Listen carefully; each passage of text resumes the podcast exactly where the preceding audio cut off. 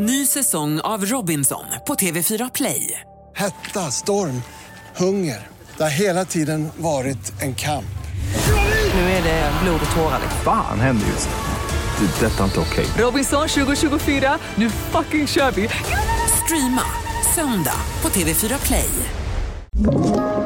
Podplay.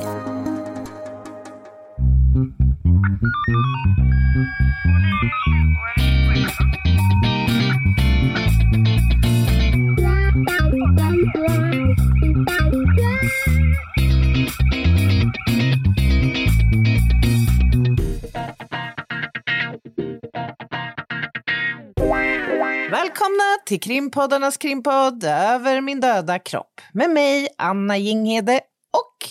Och Lena Ljungdahl. ja, Den pigge. ja. Och eh, status? Jo, tack. Bra. Mm. Bra tycker jag. Du har precis haft en 20 minuters utläggning. Men när den är förbi, då är allting bra. Ja, nu är nu Ja. jag känner glad komma som ja. Bra. Lobben sa. Eh, ja, men själv då? Ja, det är bra. Jag går snart på semester. Mm. Ska det bli oskönt? Nej, det ska bli så jävla skönt. Och jag Ah. har en rövhatt på temat i slutet av Oj. detta avsnitt. Mm. Tackar, tackar. tackar, Ja. tackar. Ja, men du, eh, veckorna går i Ja. ett jädrans tempo. Ett jehu, var kommer det ordet ifrån? Som i ett jehu. Jehu. Jag googlar. Googla eh, Hur stavas det ens? Jehu. Jehu. Je, je, Je- jehu. Jag Jag, sk- skulle nog gå på ett, ett- E. Jehu. Som i Jesus? Nej. Fy Nej. fan, alltså. När jag och Maria var på Operan i eh, måndags Mhm. och tittade på en ballett så kommer vi ut och sen så står ju då två ganska gråa varelser Mhm, mhm. utanför och liksom ska fånga folk i steget på trappan och dela ut en broschyr. Ja. Det var Jehovas vittne. Nej. Och jag ville inte att Maria skulle så att säga, gå rakt in i famn, för Maria är så jävla trevlig ja. och älskar att slänga käft och tänka att då kommer vi aldrig härifrån. Så att jag ska det. varna henne så här, uh-oh, heads up. Och så säger jag lite för högt, men min hjärna gör en sån jävla vurpa så jag säger alldeles för högt. Maria, Maria, där står Janssons frestelse. Alltså Maria bryter ihop. Jag har aldrig sett henne skratta så mycket. Hon står i snömoddet på alla fyra, rakt framför Janssons frestelse. Vad Och skrattar som bara... Nej, det var som att man bara, vad hände med hjärnan? Försökte jag säga frälselse? Eller vad, vad försöker jag göra? Janssons frälsare står det här. Ja, Janssons frälsare står det. Varifrån Otroligt kommer uttrycket som ett jehu? Nu ska du få höra, Anna Inghede. Ja, ja, ja. Syftar jehu på ett äldre fortskaffningsmedel eller en typ av vind? Svar, inget dera. Det syftar på en gammeltestamentlig kung. Uttrycket som lämpligen kan Mhm. uttydas som fara fram mycket snabbt går Ja. tillbaka på Bibelns skildringar av hur Jehu ovanligt kvickt förflyttar sig mellan olika scener, i regel med våldsamt resultat för de många fienderna. Där har Oj. du Janssons frestelse. Nu har jag slutit cirkeln. Vad är veckans tema, Anna? Veckans tema är inte varken Janssons frestelse eller eh, Jehu, utan något mycket deppigare än så. Krigsbrott.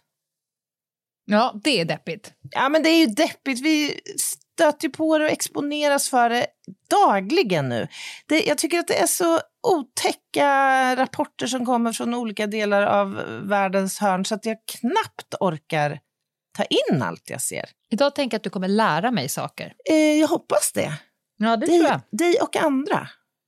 Minns du, alltså det är ju ganska exakt två år sedan som eh, ryssarna gick in i Ukraina igen. Mm. Jag minns det väl, därför att det inföll på min brors eh, födelsedag den 24 februari. Mhm. Eh, och jag minns sen någon månad senare, några veckor senare, så minns jag att jag slog på nyheterna och eh, fick lära mig då att eh, ryssarna hade avfyrat en kryssningsrobot eh, från, eh, ja, från Svarta havet. Och mot då ett eh, riktat mål, nämligen Mykolaiv. En Och- stad och för er- alltså. Mm. Ja, en stad, precis. Och det var ju där något slags högsäte hade bildats vid tidpunkten, om jag minns och, och förstår rätt. Eh, 37 människor dog till följd av den här attacken och 34 människor skadades allvarligt.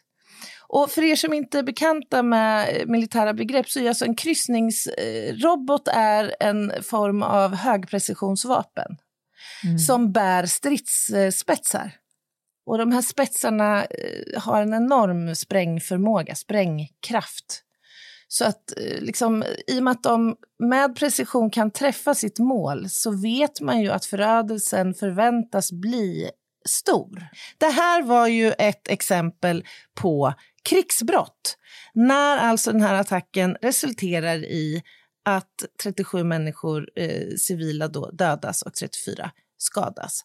Och sen dess, och även före dess, så återigen möts vi av rapporterna om dessa krigsförbrytelser och krigsbrott som sker i Ja. samband med väpnade konflikter. Och det är inte helt lätt att veta vad som är ett brott mot krigets eh, så att säga, eh, avgränsningar eh, Nej. och vad som är liksom inom ramen för vad man på ett sjukt sätt får göra Nej, men exakt. det är det inte finns- helt lätt alltid. Nej, verkligen inte. Och det finns ju något sånt där gammalt talesätt. Krig och kärlek är allt tillåtet. Och det är sannoliken en eh, sanning med modifikation. Oh ja. Ja, det, det, alltså man kan ju lätt tro kanske att eh, mycket skulle vara tillåtet i krig utöver den rena så att säga, väpnade attacken, ett anfallskrig som någon startar mot en Mm. annan stat till exempel. Det är ju helt sinnessjukt att det under vissa former är tillåtet, kan man Mm. ju tycka. Men det är mycket som inte är tillåtet. Och hur och vad avgör detta då? Ja, du kanske har hört talas om Genèvekonventionerna. Den- och för den, Den har jag hört. ja, och för den delen Romstadgan. Som är, alltså det finns ju många här konventioner som stater kan ratificera och ingå mellan stater och i relation till FN och så vidare. Eh, Men Genèvekonventionerna är ju det som vi brukar kalla för liksom den, den internationella rätten, humanrätten. Eller Och det är den man mycket hör lagar. att, att man bryter mot nu, när man inte tillåter att det kommer in hjälp ner Exakt. i Gaza. Ja, Mm. Därför det är faktiskt en krigsförbrytelse. Att Mm. förhindra det och även att eh, förflytta stora män- människosamlingar utan att ha humanitära intressen, i, sätta dem i första rummet så att säga. Jag ska bara nämna att Romstadgan, bruk, man brukar bunta ihop Genèvekonventionerna och Romstadgan. Och Romstadgan eh, är Sverige ansluten till, liksom ett antal fler eh, länder. Det handlar om att man så att säga, skriver under att vi ska ha en internationell brottmålsdomstol. Så den är knuten Okej. till, till den, så att säga. FN eh, vill naturligtvis att vi i första hand eh, ska söka fredliga lösningar på uppkomna konflikter. Man vill ju såklart undvika krig så långt det Mm. bara är eh, möjligt. Men om det nu ändå sker så har FN tänkt sig att då måste det ändå finnas spelregler för hur civila ska kunna skyddas och inte bara civila individer utan civila objekt, egendom. Du minns kanske från bilderna från Syrien när liksom tusental år gamla eh, kulturskatter bara liksom raserades, jämnades med marken, förstördes. Ja, alltså, eh, som jag berättade i ett avsnitt här eh, för inte så länge sedan. Jag har ju varit i Syrien, jag har varit i Aleppo, jag har varit i Ja, Damaskus, jag har varit i Palmyra. Jag har Mm. sett de här eh, lummiga ställena, de vackra eh, gamla teatrar, jag har sett det. Mm. Och när jag ser, såg på nyheterna när det var mycket, prånglas ut mycket kring det så bara så här, vad fan, det är ju ingenting kvar. Det är Nej. liksom, det, och det blir, för mig blir det ändå så här, för jag har ju faktiskt varit på plats och liksom Ah, insupit det där, inte ah. bara sett det på en, en bild. Det är jättekonstigt för hjärnan Ja. att bara kalibrera sig runt. Likadant i Ukraina, många städer nu som bara är borta. Ja, och tänk dig då om du har flytt från ditt Nej. hemland. och sen återvänder och möter det som är ditt arv och din historia och liksom Mm. allt. Så fruktansvärt hemskt. Men krigets lagar är ju otroligt viktiga därför att de anger ju hur man då ska försöka skydda civila och eh, så att säga begränsa det lidande som, som kriget får. Och i och med eh, att det finns, eh, ställs vissa krav genom konventionerna så, så kommer också ett krav på de stridande parterna att också förvissa sig om vad som är militära mål kontra civila mål. Det ligger i sakens Förlåt, natur. Får jag bara, bara reflektion. Är det inte Mm. sjukt överhuvudtaget att det finns någonting som heter krigets lagar? Jo. Där man har bestämt sig för är det inte, om man bara zoomar Jo, ut hela absurt. vägen, är det inte Det helt absurt. absurt att överhuvudtaget Jo, nu, och nu är det inget nytt. Alltså det här med att folk eh, vill olika saker och vill ta mark, ta pengar, ta makt och så vidare. Det är ju inte liksom, det uppfanns ju inte eh, det här årtiondet utan det här är Nej. ju tusen och åter tusen eh, år. mm. Eh, hundratusen. Alltså, men det är ändå sjukt. Okej, gör fredliga saker, men om ni ska hålla på och envisas med att döda varandra, Mm. då, får, då måste det här gälla. Det är sjukt i sig, tycker jag. Ja, jag, jag håller verkligen med Lena. Jag, jag, det är absurt och ingenting annat. Kravet att hålla isär då civila kontra militära eh, mål till exempel, det kallas för distinktionsprincipen. Det blir lite begreppstungt idag.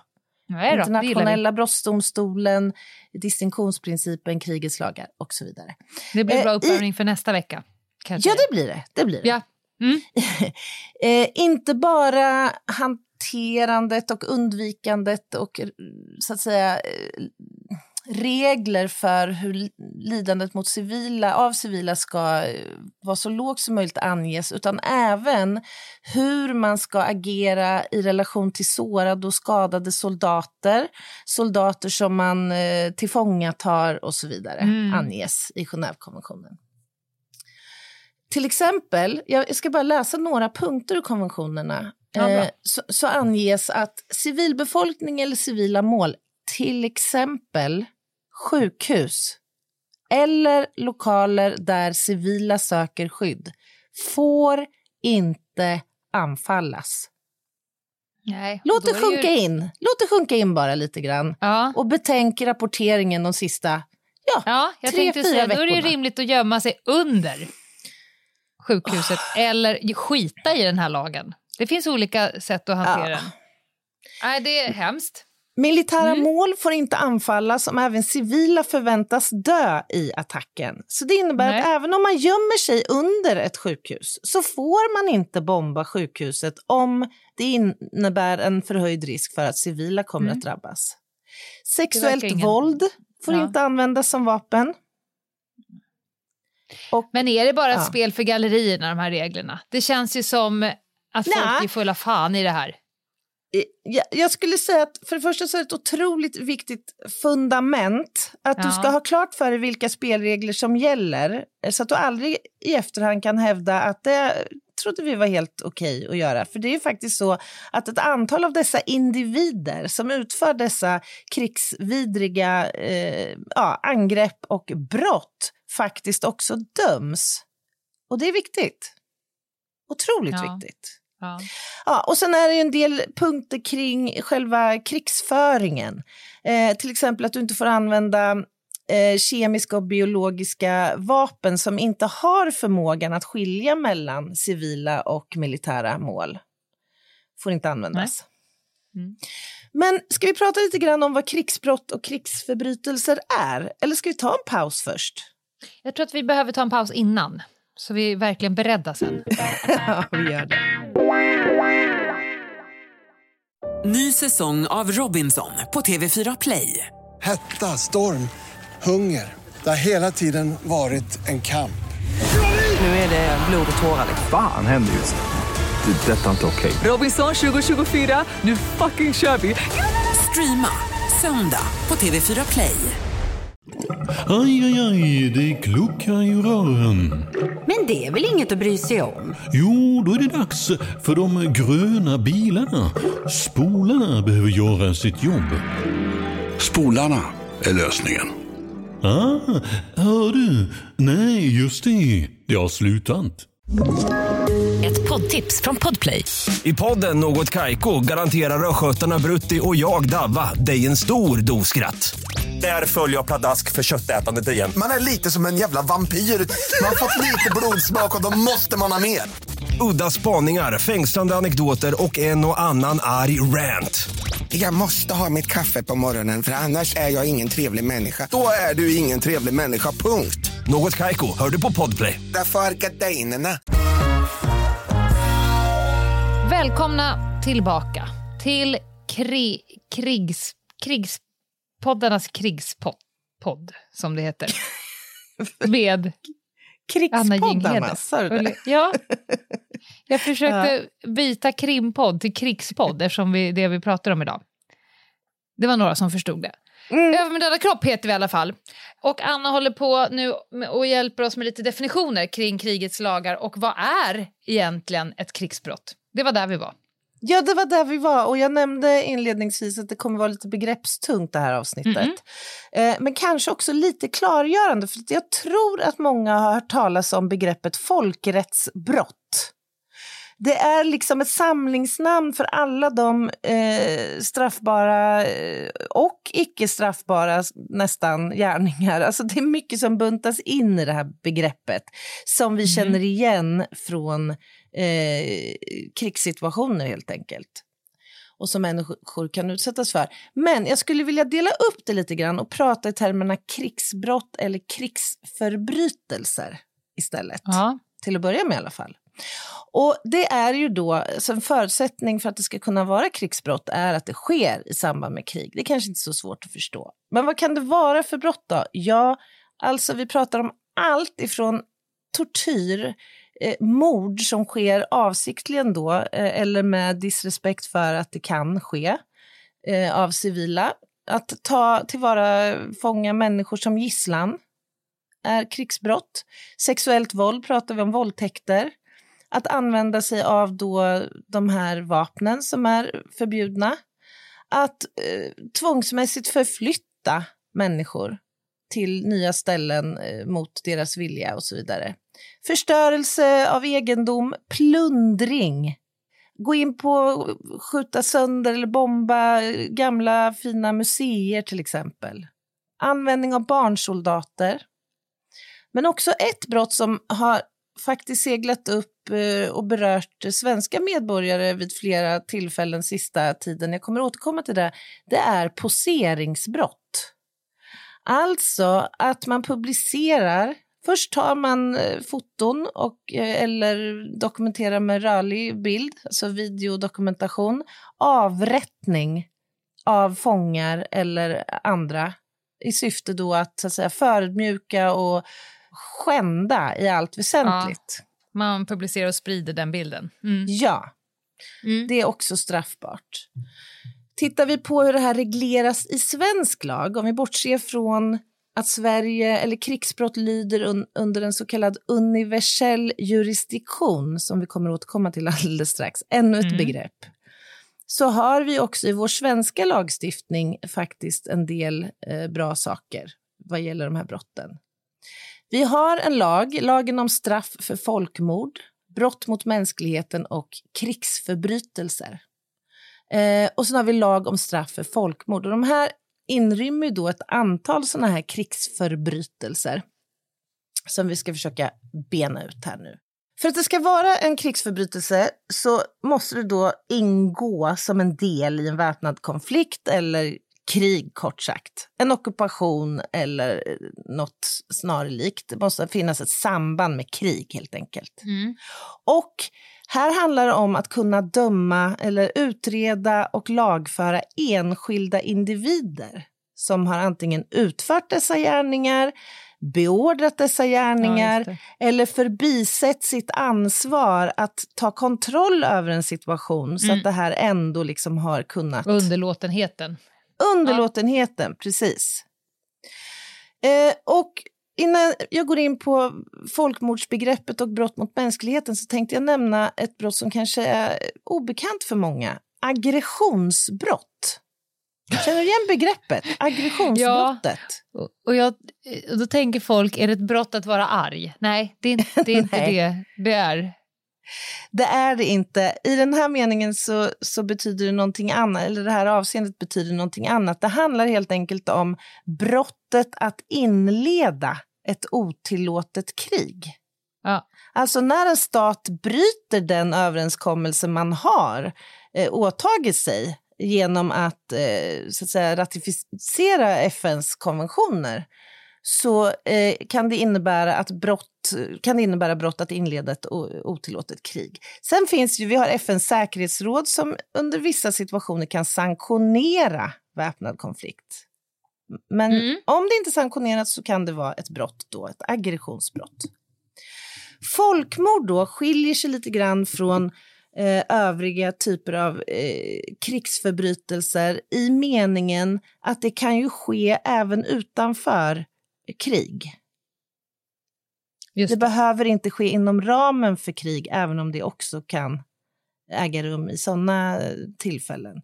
Jag tänker på Nazitysklands eh, utrotning av judar till exempel. Ja.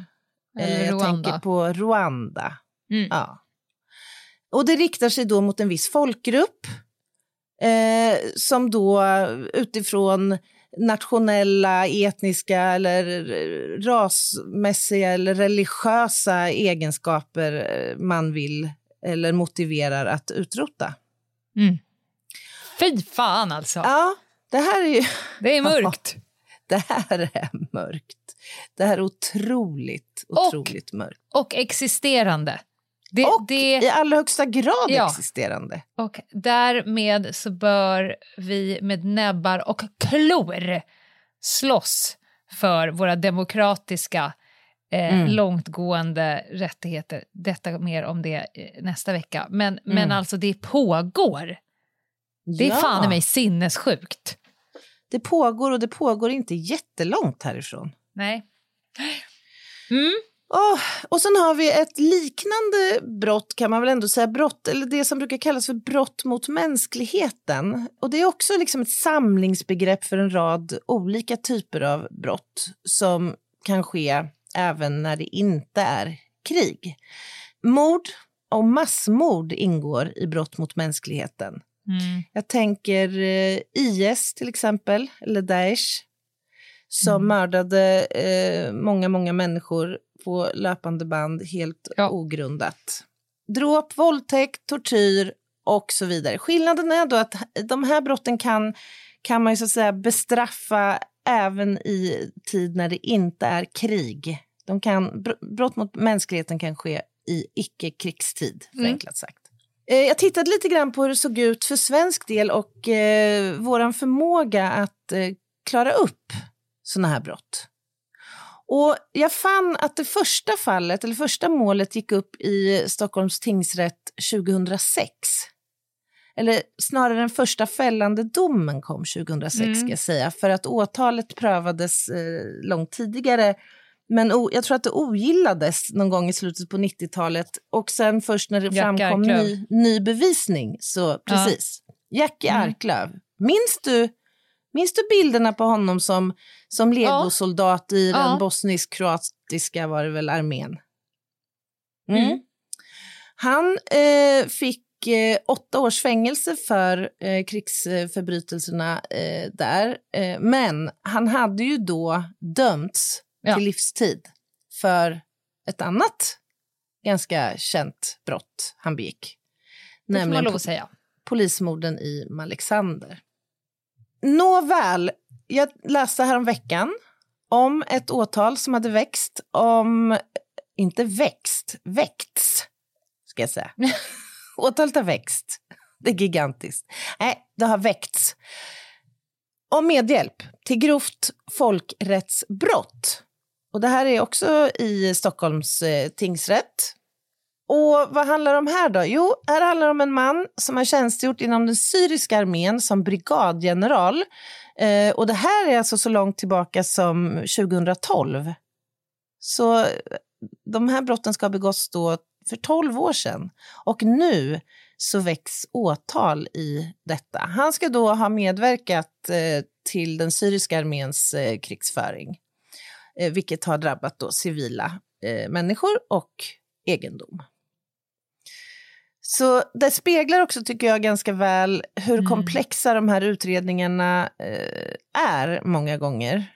Eh, ba bara det faktum att det har gått så lång tid, att försöka så att säga, bevisa de gärningarna så lång tid senare är ju verkligen utmanande och dessutom gärningar som har ägt rum i en annan del av världen. Skulle du säga någonting om den universella jur- jurisdiktionen gällande det, eller kommer det sen? Det kommer sen under utredning, men du kan sticka in med den nu om du vill. Nej, men jag tänker i och med att det är så svårt eh, så, så är det ju skönt att det finns eh, liksom juridiska principer som gör att man kan utreda brott oavsett var de är begångna oavsett vad det är för nationalitet på gärningspersonen och på de som har blivit utsatta för brott. Mm. För så är det ju inte gällande alla lagar. Eh, Verkligen inte. Eh, i Sverige. Det, det, vi kan inte hålla på att lagföra människor i Sverige för ett snatteri de gjorde i Spanien, till exempel. Eh, Nej men precis, det, det är helt rätt. Och brotten som inryms i dessa lagar är ju, alltså det här är unika lagrum så tillvida att vi inte bara kan få hjälp av eh, internationella eh, samverkanspartners i jag utredningen trodde av du skulle säga krigstribunalen i Haag. Det har man ju hört sägas 15 000 gånger. Ja. Ja. Det är också så att vi har åtagit oss att utreda och biträda andra länder i utredning av de här eh, brotten. Och en sak till, de här brotten kan i princip inte heller preskriberas. Så även om det har gått lång tid så är det inte omöjligt att man faktiskt kommer försöka utreda om man ser att det finns möjlighet att göra det. Vad har vi med på listan 2023? Jag, jag kan nämna att det är ungefär, jag räknar till ungefär 15 mål sedan då domen 2006 rörande krigsbrott, folkmord och folkrättsbrott. Och av dem kanske någonstans 10-12 eh, fällande domar. Det är ändå hygglig utdelning skulle man väl kunna säga. Pratar du svenska domstolar? Ja, precis, i Sverige. Ja. 2023 en iransk medborgare som dömdes i Svea hovrätt för folkrättsbrott och 24 fall av mord för sin inblandning i massavrättningar av politiska fångar i Iran 1988. Jag tycker ändå att det är fräscht att lagens långa, klibbiga arm till Mm. slut når ikapp. Ibland Mm. kan jag tycka så här, om någon har begått något brott för herrejösses massa år sedan och nu är du jättegammal och så. Alltså, ibland kan jag känna så här, ja, jag hoppas att du har mått jättedåligt och har Mm. känt skuld Mm. och skam. Men det där, vad det nu var för skitbrott. Men vissa brott är bara så här, vet du vad? Du ska fan fångas in och dömas för det här, om inte annat för upprättelse för, för eh, Ja. de efterlevande anhöriga. För du ska, vissa saker ska du bara inte kunna göra och sen get away with it. Så att det kommer en klibbig arm och snärjer ihop dina luftvägar till slut. Ja, och jag, jag måste säga att jag tycker att svenska staten, regeringen och eh, Polismyndigheten inte minst har en väldigt sund hållning här. Eh, därför att man har eh, gått ut, man, för några år sedan så vi- minns jag att det gjordes en informativ broschyr om vad krigsbrott eh, egentligen är och handlar om. Och där skriver man uttryckligen att Sverige ska inte vara någon frizon eller Nej. fristad för människor som har begått krigsbrott i andra delar av världen och sen eh, ja, flyttat till Sverige, invandrat till Sverige. Nej. Och det tycker jag är, att man ser allvarsamt på de här brotten tycker jag är väldigt, väldigt bra. Eh, ja, den här listan över fällande domar ska vi inte traggla oss igenom till fullo, men jag tycker det kan vara eh, faktiskt intressant att också nämna att även kvinnor döms för de här Mm. brotten. Eh, du kanske minns eh, för ett par år sedan så omnämndes ett sånt ärende ganska eh, frekvent i media, eller rättare sagt domen. Det var ju alltså en kvinna som, som dömdes till sex års fängelse för grovt folkrättsbrott och grov krigsförbrytelse. Och i det fallet så handlar det om att hon alltså lät hennes son ingå eh, som barnsoldat för IS räkning i konflikten Mm. i Syrien. Och hon gjorde inte ett pillekvitt som Leif GW Persson hade sagt för att förhindra detta. Nej. Eh, tankar kring de här domarna? Eh, att det finns säkert ett enormt eh, mörkertal. Eh, Mm. Att det är svårutrett. Mm. Eh, men eh, någonstans hoppfullt att det faktiskt finns domar i de olika eh, folk, folkrätt och krigsförbrytelser eh, av olika gärningsbeskrivningar. Det vill säga, Mm. det, fin- det går ju. Ja, det men, går. Men jag tänker att det måste finnas en hel del expertkunskap och det är ju garanterat internationella åklagarkammaren i samverkan med allsköna eh, eh, samarbetspartners runt om eh, i världen. Eh, Mm. Heja er, i min reflektion. Mm, jag Go säger get detsamma. them. Jag hade ju det stora nöjet att få moderera ett symposium i slutet på förra året om just krigsbrottsutredningar och krigsbrottskommissionen eh, vid NOA och, och fick då lite en fördjupad insyn och inblick i vad det är för typ av ärenden de här superproffsen jobbar med, den uthållighet som de här människorna har och vad det innebär för psykisk belastning. Att träffa anhöriga kanske till människor som har avrättats framför kamera, torterats till döds, allt det här. Flera, flera år senare när sorgen, den värsta, liksom har lagt sig, riva upp de här såren, med hjälp av tolk försöka inhämta underlag och utredningsspår. Exponeras för bilder. Exponeras för bilder, allt det här. Men jag måste också säga att om jag någon gång ska byta funktion inom polisen, då är det baske mig så ska jag söka mig till den eh, utredningsroten. För att oj Det är kanske intressant. sjunde gången du säger börja den meningen och vid alla sju tillfällen så har det kommit ett nytt på slutet. Du ska ju bli liksom Alltså, ja, ja, bombtekniker. Det enda jag inte har hört dig säga är att du ska bli spanare. Men i övrigt så är du ju så att säga 10 centimeter öppen för det mesta Ja. coola. Ja, jag tycker, alltså, vilka otroligt komplexa men också intressanta utredningar. Och jag Ja. minns att Patricia, som hon heter, som är chef där på den här eh, utredningsenheten, hon beskrev att det kan ju börja med, ett mål kan ju börja, eller ärende kan ju börja med att de måste läsa på liksom 5000 sidor om en Mm. viss liksom, företeelse. En, förstår du? Det är så otroligt mycket man måste lära sig för Mm. att kunna förstå vad det är man ser. Alltså jag kom bara ihåg när vi researchade till vår första bok. När Ja, jag fick tag ja. på en person på FOI Mm. och fick hon bara, du kanske kan läsa på lite Lena om de olika grupperna. Nu ska jag inte spoila ifall det är någon som fortfarande inte har läst boken. bara boom, en bibba. Mm. Man bara, okej, det finns ungefär 468 olika grupperingar men i Sverige så förenklar jag och sen tänker vi mot dem. Det är ungefär dem och sen är det typ de andra. Nej, Mm. nej. I dem så är det 48 grupper som tycker Ja. helt olika och Ja. är i luven på varandra också. Äh, Det var otroligt eh, besvärligt men spännande för att det finns ju kunskap i folk. Ja, ja men det gör det ju, Mm. Det är verkligen. vi glada för. Jag nämnde krigsbrottskommissionen. Den, heter igen, den har hetat det förr i tiden. Eh, nu heter den Gruppen för utredning av krigsbrott. Den är underordnad NOA, alltså Nationella operativa avdelningen. Eh, och de jobbar, skulle jag säga, över hela världen. M- med hela världen som arbetsplats. De reser Ja. otroligt mycket i, i sin eh, tjänst. Och det beror ju på, återigen, den här universella jurisdiktionen. Eh, och tack vare att vi har den så har vi också i Sverige då kunnat döma personer för brott som har begåtts i många andra länder än Sverige. Rwanda till exempel, Syrien, Irak, Bosnien och så vidare.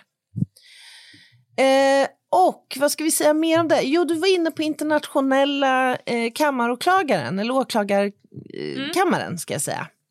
Och det är ju helt riktigt så att eh, i och med att alltså brottens eh, och utredningarnas natur så krävs specialkunskap. Eh, eh, givetvis även på åklagarsidan och den finns på internationella eh, åklagarkammaren. Eh, syftet då med att utreda de här brotten, eh, man kan ju tänka så här kanske, jag vet inte, i det stora tragiska som sker i krig med allt lidande och dödande, är det så viktigt verkligen att gå in och försöka pinpointa enskilda eh, gärningar riktade mot enstaka individer? Ja, det är väl i sig en universell rättsprincip. Vi får aldrig liksom sluta tappa hoppet om någon slags eh, rättvisa och upprättelse för offer, även om det kan se hopplöst svårt ut. Syftet med att utreda det är ju i första hand att försöka identifiera vem som har utfört vissa brott. Då. Hur befälsgången har sett ut. Är det den här utföraren som också har beslutat att det här ska ske eller finns det flera i de bakre leden så att säga som har haft visshet om att det ska ske som kanske till och med har eh, lagt eller gett order om att det ska ske? Och det är inte så svårt att förstå att när man börjar gräva då i sådana här skeenden så kan man ju nå eh, faktiskt ganska högt upp i de politiska korridorerna och nå politiska makthavare. Eh, du kanske har sett dokumentären om Navalny till exempel? Alltså, mm. sista, ja. Ja, alltså. Ja. Mm. Han har nog haft det toppen i finkan. Alltså, har du sett bilderna på honom ja. mot slutet? Nej. Jag har sett, jag har nej, sett bilderna det, på honom.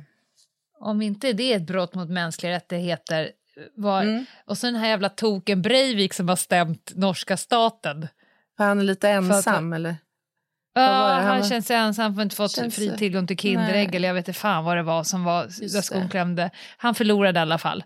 Eh, ja, nej. Mm. Mm. Ja. Så det här innebär ju att i en och samma utredning så kan ju för det första väldigt många bli misstänkta. Man kan tänka sig liksom ett helt led av då befälshavare, militära chefer och, och eh, andra som är involverade. Och Du nämnde det här med att utredningen är utmanande och krävande och ja, alltså när jag modererade då här, den här konferensen så fick jag en liten inblick i några av de här utredningarna och jag var lite tagen av just detta, hur otroligt komplext det här är att försöka nysta i. Bara, bara det. hitta att, folk. Ja, bara hitta jag. folk. Behöver få Precis. ta ett vittne bara. Nu ska vi se, det är 33 år sedan i en stad som inte finns längre. Men de har ju ut, utrett förbrytelser i Rwanda till exempel, som ja. skedde 94. Åka tillbaka nu, liksom 30 och år också, senare. tänker jag i rätten så ska det beviset som man då hittar, om man nu har mm. turen att hitta det, värderas. Alltså mm. hur går det ens att ställa någonting utom rimligt tvivel. Ja. Eller vad det nu krävs för, för nivå eh, i internationell rätt. Men, men alltså, klurigt. Mycket klurigt. Det var några särskilda aspekter som nämndes eh, när jag lyssnade på den här föreläsningen. Dels tidsfaktorn som vi har varit inne på. Eh, mm. att brottstiderna är ofta eh, långt, långt, långt tidigare. Dels att man tvingas riva upp trauman som liksom har börjat läka eh, och lämna en familj återigen kanske i både sorg och förtvivlan men också hopp om att kanske så kommer min familjs död inte vara helt förgäves i meningen att man kanske kan få någon slags eh, förklaring till vad de har utsatts för och vem som, som ska hållas ansvarig för det här. Språkbarriärer nämndes. Bara det att hitta en tolk som också då ska vara rättsligt liksom auktoriserad och som kan prata det aktuella språket eller ja. Att det kan fortfarande vara pågående konflikter i det aktuella landet där du behöver höra folk eller ja, prata med människor eller utreda brotten. Det kan också vara utmanande att samarbeta med andra myndigheter i andra länder. Eh, det är inte ja. givet enkelt alltid att göra det. Det kan ju handla om att man ser på saker på olika sätt eller har olika eh, ja, principer att förhålla sig till. Platsen där, eller platserna där de här brotten har skett är ju ofta svårtillgängliga eller rent utav farliga, rent säkerhetsmässigt. de bevis som fanns där från början finns ju i regel inte kvar. Så forensiskt så, så har vi inte mycket att hämta här, med ett undantag skulle jag säga. Och det är eh, våran digitala era vi kan tacka för det. Därför att digitala spår har blivit allt vanligare i de, även i de här utredningarna. Vilket ju är mycket, mycket bra. Det vecklar ut sig som menar, alla spår är borta, kanske alla människor är borta, Mm. internationellt samarbete, men det, eh, så att säga, man lägger det i ena vågskålen så är ju ändå de mänskliga rättigheterna och vikten av att faktiskt sätta en gräns för hur man får och inte får bete sig mot, eh, mot människan Mm. väger ju alltid tyngre ändå. Det ska till en särskild typ av utredare som orkar hålla på och bröta i det här. Som inte kräver, det här är ju inte så att säga sprint. Det är inte kull och det är Nej, inte nej. spökboll. Det här är ju ultramaraton Mm. eh, på swahili. Ja, och, och alltså det här att med den här poseringsbrottet som jag nämnde. Ja. Bara, det var inte så länge sedan så var det alltså en, en man här i Karlskoga, alldeles nära där jag bor, som eh, dömdes efter att man hade hittat honom på filmer som spreds över världen där sju eh, unga män avrättades på kamera. Och man kunde se att samtliga dessa sju män hade också extremt svåra tortyrskador. Så de hade ju då utsatts för ett enormt massivt våld innan de sen eh, avrättades på, Ja. på film. Så att, eh, ja, det, på ett sätt är det bra att de väljer att dokumentera om de ändå gör det här. För då har vi kanske lite större chans att lagföra också för detta fruktansvärda. Jag hoppas de som jobbar med det här får avlastning, handledning. Ah, Det utgår jag ifrån. Hur skulle man annars mäkta med det? Å andra sidan så blir det väl, eh, allt blir någon form av normal. eh, Många Ja. tänker nog på det du exponeras för och tittar på också och du tänker så här, well, det här var 78 Mm. gången. Den här, Mm. ja. ja, men... Jag, t- jag eh, tror också, jag fick ja. uppfattningen att många vid den här gruppen som jobbar eh, med de här brotten har många tjänsteår. De har erfarenhet, det är inte så hög personalomsättning. Det vittnar om, tror jag ändå, god personalvård och eh, på något Intresse. sätt, in, ja, driv skulle jag säga att de har Mm. allihopa. Superproffs är de i alla Mm. fall. Sen vill man ju försöka lagföra såklart. Och eh, det varierar ju då vilken domstol som man slutligen landar i beroende på liksom vilket land som, som äger målet eller vad man ska säga. Eh, eller rättare sagt var förundersökningen har bedrivits. Mm.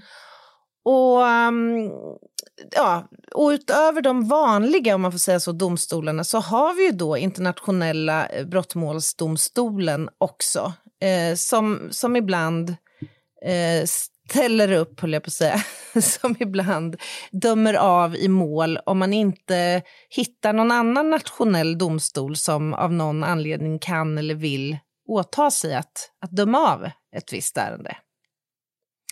Och straffskalan då, ja det beror ju naturligtvis på eh, vad det aktuella brottet eller brotten renderar beroende på var i världen återigen man befinner sig. Jag tänkte avslutningsvis bara nämna lite grann om, om straffskalorna och vilket straff eh, som blir aktuellt i det enskilda fallet. Så att säga. Det beror ju på i, i vilken jurisdiktion vi är, så att säga. om det döms av i Sverige eller i något annat land. Det finns ingen gemensam straffskala, om jag säger så. I Sverige, om man döms för krigsförbrytelse av ja, normalgraden, om vi kan kalla det så, det. eh, så kan du dömas till fängelse i högst sex år. Eh, är det fråga om grovt brott så har du att se fram emot lägst fyra eh, eller högst 18 år eller livstid. Mm. Intressant nog så kan internationella brottmålsdomstolen döma till fängelse i 30 år. Mhm. Mm. Läste jag. Ja. Känns lite Det är uppfriskande. väl en rimlig tid Precis. Ja, det att tycker jag. snatcha från någons liv som har tagit... Eh, Många andras. många andras. Mm. Skulle du ha tänkt på tidigare? Säger de det som slutkläm i domskälet? Här får du feedback. Se så, ge David ett jehu, med ett jehu. Ja, exakt. Det skulle Så du ha det. tänkt på lite tidigare. Mm. Hörni, det kanske är någon där ute nu som, ehm, ja, för det första tog illa vid sig. Det kan tänkas. Det här var ett jobbigt eh, tema ju, ett tungt ämne, därför att det är så Oh, aktuellt eh, här och nu. Men vi kan inte blunda för vad som sker och vi kan inte heller backa för fakta. Och det här är fakta i sin finaste form, skulle jag vilja säga. Det kan ju också vara så att det är någon som känner till krigsbrott som har eh, begåtts. Eh, eller eh, du som lyssnar kanske till och med själv har utsatts. Och då kan det finnas eh, hjälp att få, så att säga. Då tycker jag att ni ska kontakta polisen. Då kan ni mejla, ni ska få en adress här nu. Registrator.kansli at polisen.se. Registrator.kansli at polisen.se. Eller gå via växeln 114 14. Kan vi skicka all feedback framöver från podden till registrator? Eller är det Just bara det. gällande det här specifika? Just det, och Vad mejladressen... förvånade de skulle bli. ja, men kanske skulle de också kunna få lite kärlek efter det här avsnittet. Ja. Gruppen för krigsbrottsutredningar vid NOA. Ja. Det, ska, det är Vem de vet? värda. Det är de absolut värda. Hörni, det var det vi tänkte delge er på det här temat. Ja. Krigsbrott och krigsförbrytelser. Och eftersom vi tar vårt ansvar så tänkte jag att efter pausen så kanske jag kan lätta upp stämningen lite med min egen frustration. Ni kan ha roligt åt mig på min bekostnad efter en liten paus. Det brukar ju vara otroligt förlösande. Låt oss. Ny säsong av Robinson på TV4 Play. Hetta, storm, hunger. Det har hela tiden varit en kamp. Nu är det blod och tårar. Fan händer just nu. Det. är Detta är inte okej. Robinson 2024, nu fucking kör vi! Streama söndag på TV4 Play. Aj, aj, aj, det kluckar i rören. Men det är väl inget att bry sig om? Jo, då är det dags för de gröna bilarna. Spolarna behöver göra sitt jobb. Spolarna är lösningen. Ah, hör du? Nej, just det. Det har slutat.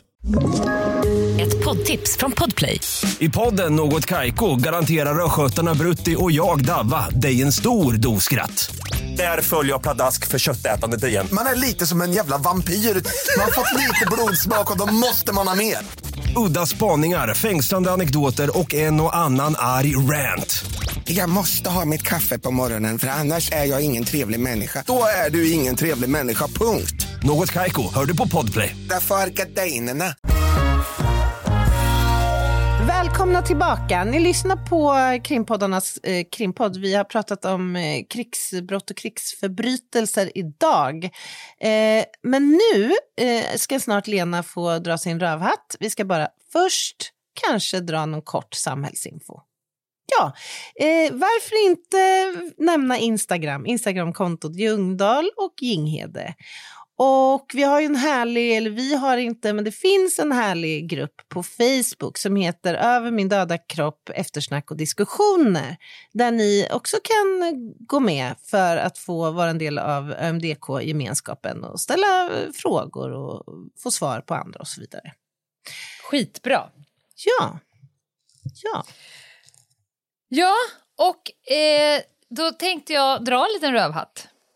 Ja, vad härligt, vad härligt. Lenas rövhatt. Var ska vi? Är det ute i trafiken eller är det Nej, operan? nej eller? jag har varit på internet. Då, oh, Tittat på lite olika mänskliga fenomen som folk verkar ha. Åh, nej. Och Okej. om du tänker så här att människor kan ha det svårt på riktigt, så som du precis berättade, människor som nu, as we speak, Mm. kämpar för sina liv och sina anhörigas liv Mm. i olika krigsdrabbade områden runt om i världen så verkar det finnas en kategori människa som också har det väldigt, väldigt svårt och vill sprida det i olika typer av kommentarsfält. Ah, du, du, Som- tänker du på de som söker någon slags kollektiv sympati? Eller? Jag tänker så? på människor som aldrig någonsin kan välja glädje utan måste gnälla. Jag kommer Ah. ägna den här rövhatten åt internetgnällarna eller de vi Oh. också kallar människorna som behöver en rejäl analfisteltömning, förmodligen. Ja. Jag kommer bli Berätta, angripen har, har du, har du Ja, sett några Jag kommer exempel på angripa det här? från två håll. Aha, aha. I morse så såg jag en fantastisk fin film från Operan. Vi är tillbaka på Operan där jag var eh, lite under avsnittet. Just det. Eh, operan är ju en fantastisk gammal eh, viktig byggnad. Eh, Verkligen. Men den har också varit lite begränsad för dem som eh, eh, kommer så att säga med rulldon under sig. Rullstolsbundna personer. Ja, har- Normerna var kanske inte vid dess tillkomst de Nej. samma som idag. Exakt. Så, så Och fram till nu har de haft svårt att ta sig in på operan och inmundiga Mm. det bra som sker där inne på scenen. Utan man har fått tag i någon sån här sidoingång och det är inte så värdigt. Så. Mhm. Nej, och verkligen nu har de då inte. byggt en helt fantastisk eh, konstruktion. Eh, Mhm. Så du får gå in via den här vackra huvudentrén med hjälp Mm. av en, jag skulle säga att det är, om du tänker ingenjörskunskap, arkitektur och respekt för byggnaden i en perfekt Oj, symbios. När de tre möts i ett vändiagram, där Mm. finns en helt svincool trappa som den ser ut som va- vanliga trappan, men när Mhm. du då trycker på en knapp så växlas det upp någonting som är helt worthy huset med Mhm. coola guldiga saker och sen så åker det upp. Och då är det jättemånga som har skrivit i kommentarsfältet, gud vad fantastiskt. Mm. Och kudos eh, ingenjörskunskapen, det här måste ju vara tekniskt svårt och så vidare. Men den går ju så att säga inte i 340 kilo. Det, du trycker, inte- det är inte en transformer som du trycker på en knapp och pom! Då står det helt plötsligt så här. Det verkar som man måste komma i god tid om man sitter i rullstol. Nej, men. Och jag är då tvungen att klicka på den här personens bild och konstatera att du sitter inte ens i rullstol. Nej. Du kan så att säga jazza upp Ändå bredvid. måste du ha en synpunkt. Det är Ja. fantastiskt. Du har två, enligt alla dina sociala medier som jag har gått igenom, så har du två hyfsat välfungerande ben som du jassar runt i vardagen och sprider piss med eh, genom din mun. Och kanske i bästa fall två hyfsat välfungerande hjärnceller också. Ja, i, kanske. Alltså, hur kan man, när man tittar på något som, när, nu har någon tänkt till eh, och man har, har då gjort det här och, och de rulls, det var många som skrev så här, åh äntligen får jag ta huvudentré. Ah, Eh, ja. Äntligen! Och sen var det någon så här, ja, så här, funkar den även när det är snö? Var det någon som skrev. Nej, de har satt dit en trappa som bara funkar från april till juni. Resten av tiden så, så får du åla upp för trappan. Men alltså det är så fattigt. Ja, Jag vet inte Det ens var- var jag det ska var, nej, börja. det går, du behöver inte bemöta. Men Åh. nu kommer jag till min andra eh, grej. Jag ska ju på semester. Jag åker ju snart på semester. Mm. Vi ska till ett, jag skulle säga ett fantastiskt ställe. Mm. Vi pratar fem stjärnor. Vi Mm. pratar rekommendationer från en person som jobbar på eh, ett resebolag som säger att det är hit du ska åka. Mm. Och det, jag, jag kan inte hitta något dåligt med det här. Men så Nej. går jag in i recensionsflödet eh, för jag tänker så här, ibland så Åh. står det jävligt smarta grejer. Ja, ja, det kan du göra. Är det Tripadvisor? Miss, eller missa det... inte det här, eller Nej, den nej. här restaurangen serverar fantastisk fisk och så vidare. Jag går in det. i Ja. recensionsflödet. Och det är i princip fem av fem på alla. Det är helt fantastiskt. Ja, det är sjuttonde gången. Det är mycket återkommande Oj, och det ja, brukar vara ja. ett bra betyg. Verkligen. Jag har, tagit, jag har bara skärmdumpat tre. Tre olika, av varandra oberoende personer. Jag läser den första. Det är lite dystert inomhus då färgerna går i mörkbrunt, mörkgrått och svart. Alltså det är pissesnyggt. Det är som när, när lyx möter liksom Istället för att det är Åh. såna här deppiga Krispiga, portaler. vita. Det, är- det är snygg arkitektur skulle jag vilja säga. Mm. Mm. Mm. Det var den första. Mm. Då tänkte man så här, ah, ja.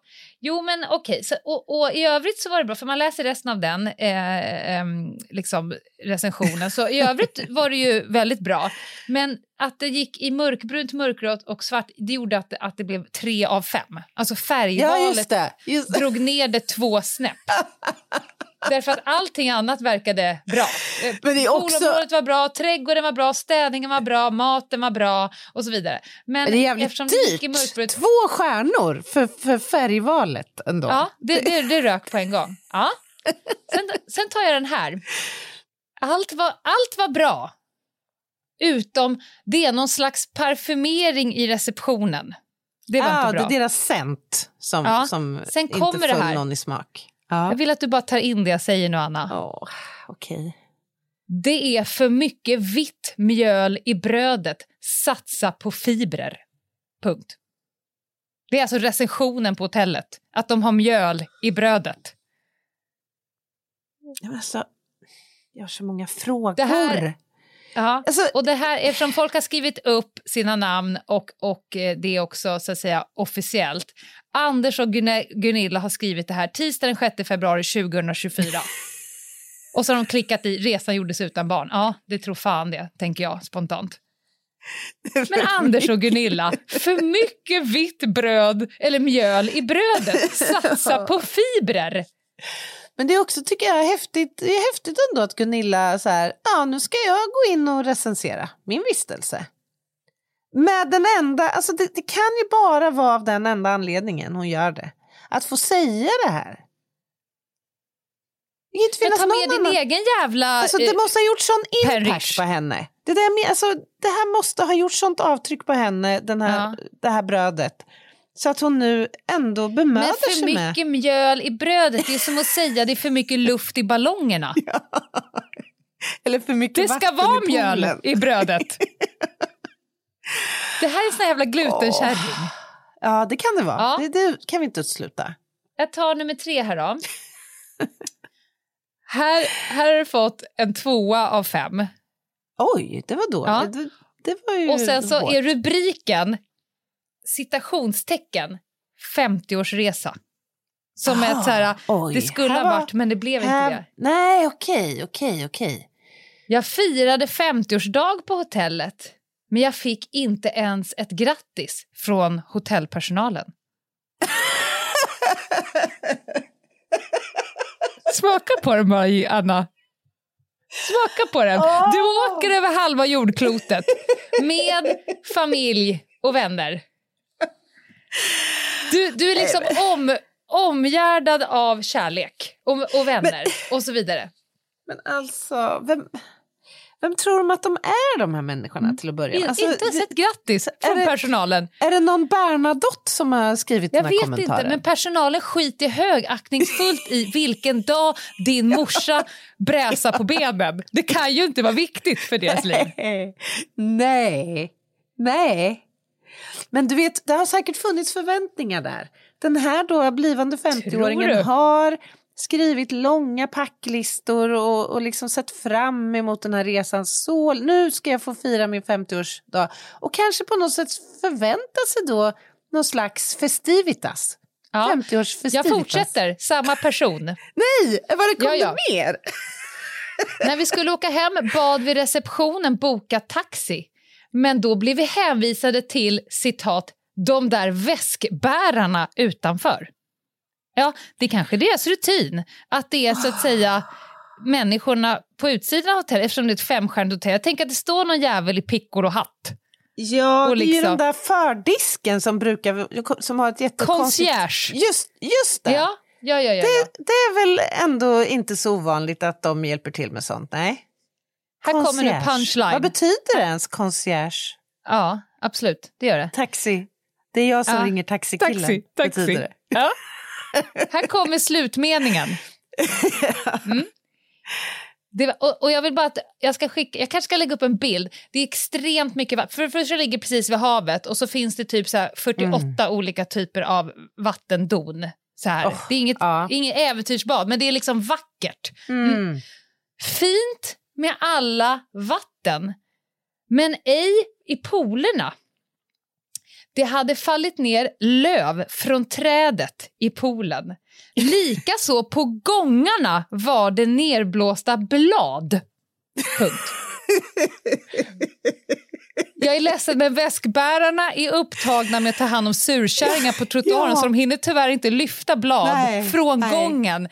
Alla andra som har skrivit femstjärnigt de har skrivit vilket fantastiskt ställe, vad lummigt. Var man än tittar så är det fantastiska blommor i alla dess färger och träd och trädgårds... De har fått så mycket kärlek. Men den här jävla subban, hon tycker att det är för jävligt att det faller löv. Hon vill att det ska Ja. sitta någon liten sköning och limma fast det, löven på träden så att de inte faller ner på marken medan Sam, hon går samtidigt bort. som hon eller han sjunger Happy birthday Ja. to you. Ja, Happy Ja, exakt.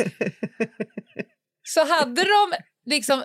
Egentligen vill hon ju att man ska strö rosenblad längs hennes Ja, väg. just det. Här Pa- kommer hon. palmblad. Tralala. Ja, exakt. Men det vill hon ändå inte för de liksom skräpar runt. Ja, ja, precis. Men Ja. hon är lite ambivalent. Hon vet inte riktigt hur hon vill ha det. Nej. Och det sjuka är, jag har ju fått sammanfatta, men det sjuka är gällande grattis. Jag fick inte ens ett grattis trots om vår, att våra fina vänner hade via hotellet fixat med både blommor och champagne. Alltså hotellet har Jaha, fixat de- fram blommor och champagne. Men, men hon fick Men de har inte sagt grattis. grattis. Nej. Du, du, du. Så jag vill bara att ni där ute ska tänka att det sitter människor runt om i Sverige, de allra flesta heter Anders och Gunilla, Ja, ja, ja, ja, som ja. kan ha... För det första har de råd. De har tillräckligt mycket medel för att Mm. lägga tid och, och pengar på att frakta sina rövar till andra sidan jordklotet. Det är få förunnat skulle jag Mm. säga. Det är inte Mm. en självklarhet. Medan andra delar av världen så slåss man för rätten att leva. Jag kommer till en plats där folk har lagt fram blommor och blader och champagne. Och mitt bekymmer, och det är inte bara ett bekymmer här och nu, utan jag måste gå in i internetet och skriva Ja. saker som att det är för mycket mjöl i brödet och det faller löv ifrån träden. Ja, alltså, du brukar säga till mig att mitt glas är halvfullt. Det här måste ju vara någon slags så att säga, rekord i det. Ja. Att, så här, du har haft hel, en, två veckors ljuvlig liksom, rekreationsresa Ja, ja. i värme och allt. Sen kommer du hem och packar upp och tvättar och allt vad du gör och då du Då. Har liksom, det har gjort sånt intryck på dig Ja. så du kan inte gå vidare i tillvaron om du inte får detta sagt. Nej. Och andra behöver ta det här beaktande. Så jag kände när jag läste det här, då skrek jag till min man, vi får nog tänka över det här för att vi har bokat ett ställe där de faktiskt har mjöl i brödet och löv på träden. På träden. Och om de inte har koll på att vi firar tio år, en vecka och två dagar när vi anländer och inte mattjäveln är utrullad. Och om den är Nej, utrullad då. då- ska det också gå snabbt. För jag vill inte Just att det, det. går långsamt att fälla ut någon trappa. Det ska gå snabbt när jag kommer. På mitt sätt.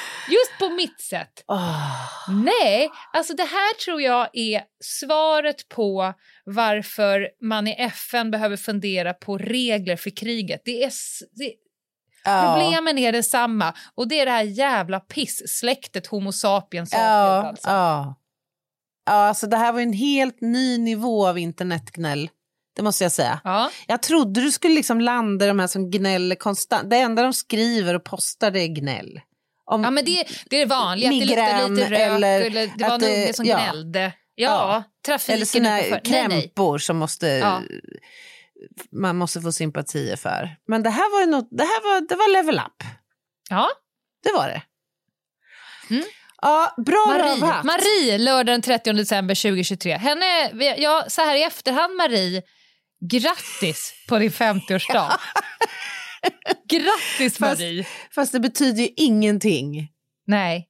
Vi är ju Nej. inte på resorten nu, bland nedfallna blad och... Nej, nej. Oh, Ja, hur som helst. hur som helst. Ja, hur som helst så får vi önska Lena Ljungdahl en njutbar semesterresa. Jag, jag lovar härmed att jag ska skriva en sån jävla recension efteråt. Jag tycker att det var det var för lite mjöl i bröden. Jag ska skriva den, jag lovar. Ja, det ser vi fram emot.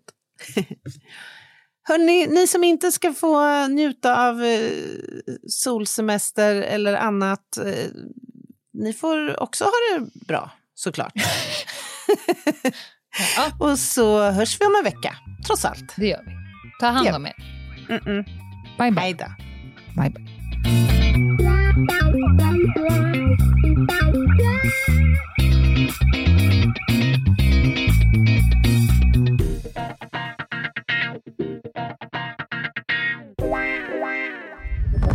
Podplay, en del av Power Media. Ny säsong av Robinson på TV4 Play. Hetta, storm, hunger. Det har hela tiden varit en kamp. Nu är det blod och tårar. Fan händer just nu. Det. är Detta är inte okej. Robinson 2024, nu fucking kör vi! Streama söndag på TV4 Play.